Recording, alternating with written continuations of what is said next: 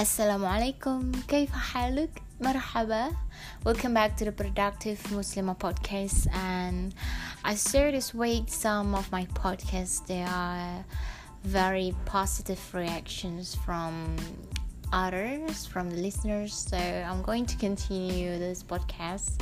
So if you would like to support this podcast, please uh, subscribe to my podcast.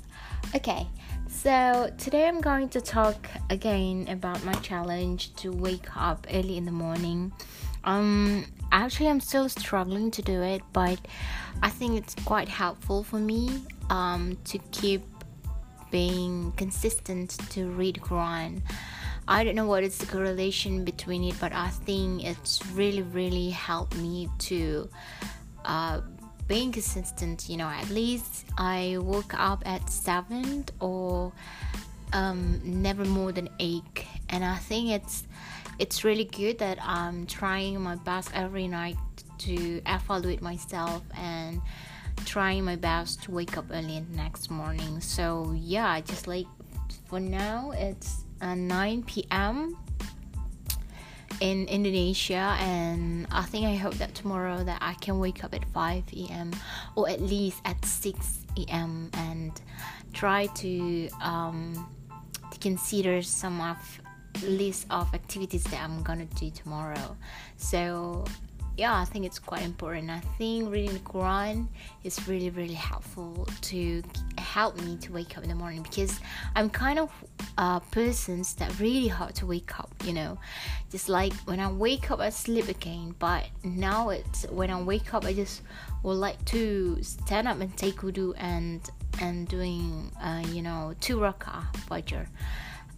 Maybe that's relate to the iman because um, one of my friends told me that waking up in the morning is not about the alarm but it's it's uh, about iman. So it's not the alarm that wake you up but the iman that wakes you up. So it's really blows my mind for a while and i think i'm still good. Like um i think I, I don't have any problem with my didn't like you know just like a normal one. Uh, it's, sometimes it's going up sometimes it's going down but it's not that far.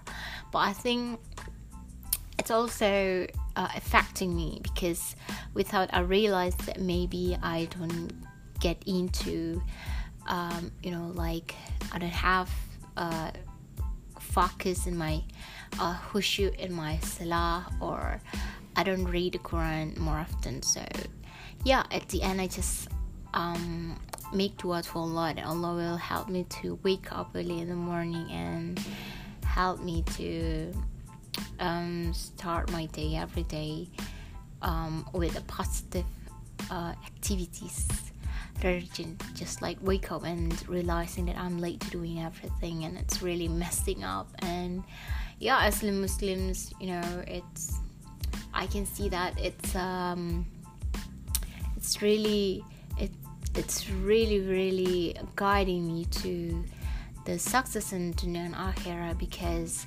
waking up for fajr means that you wake early in the morning when everyone is still sleeping. And if you wake up uh, fajr in fajr in in early morning you have a lot of times to do. And it's not just like you are hurry up to doing everything but you have time and you are just feel conscious to doing your activity in the morning. So you start your day in a very good way in a good way. So yeah i think that's it. And tomorrow i just like to would like to prepare myself so that tomorrow i can um, wake up in the morning and just start all the activity uh, flawlessly. So yeah I think that's all for today's podcast.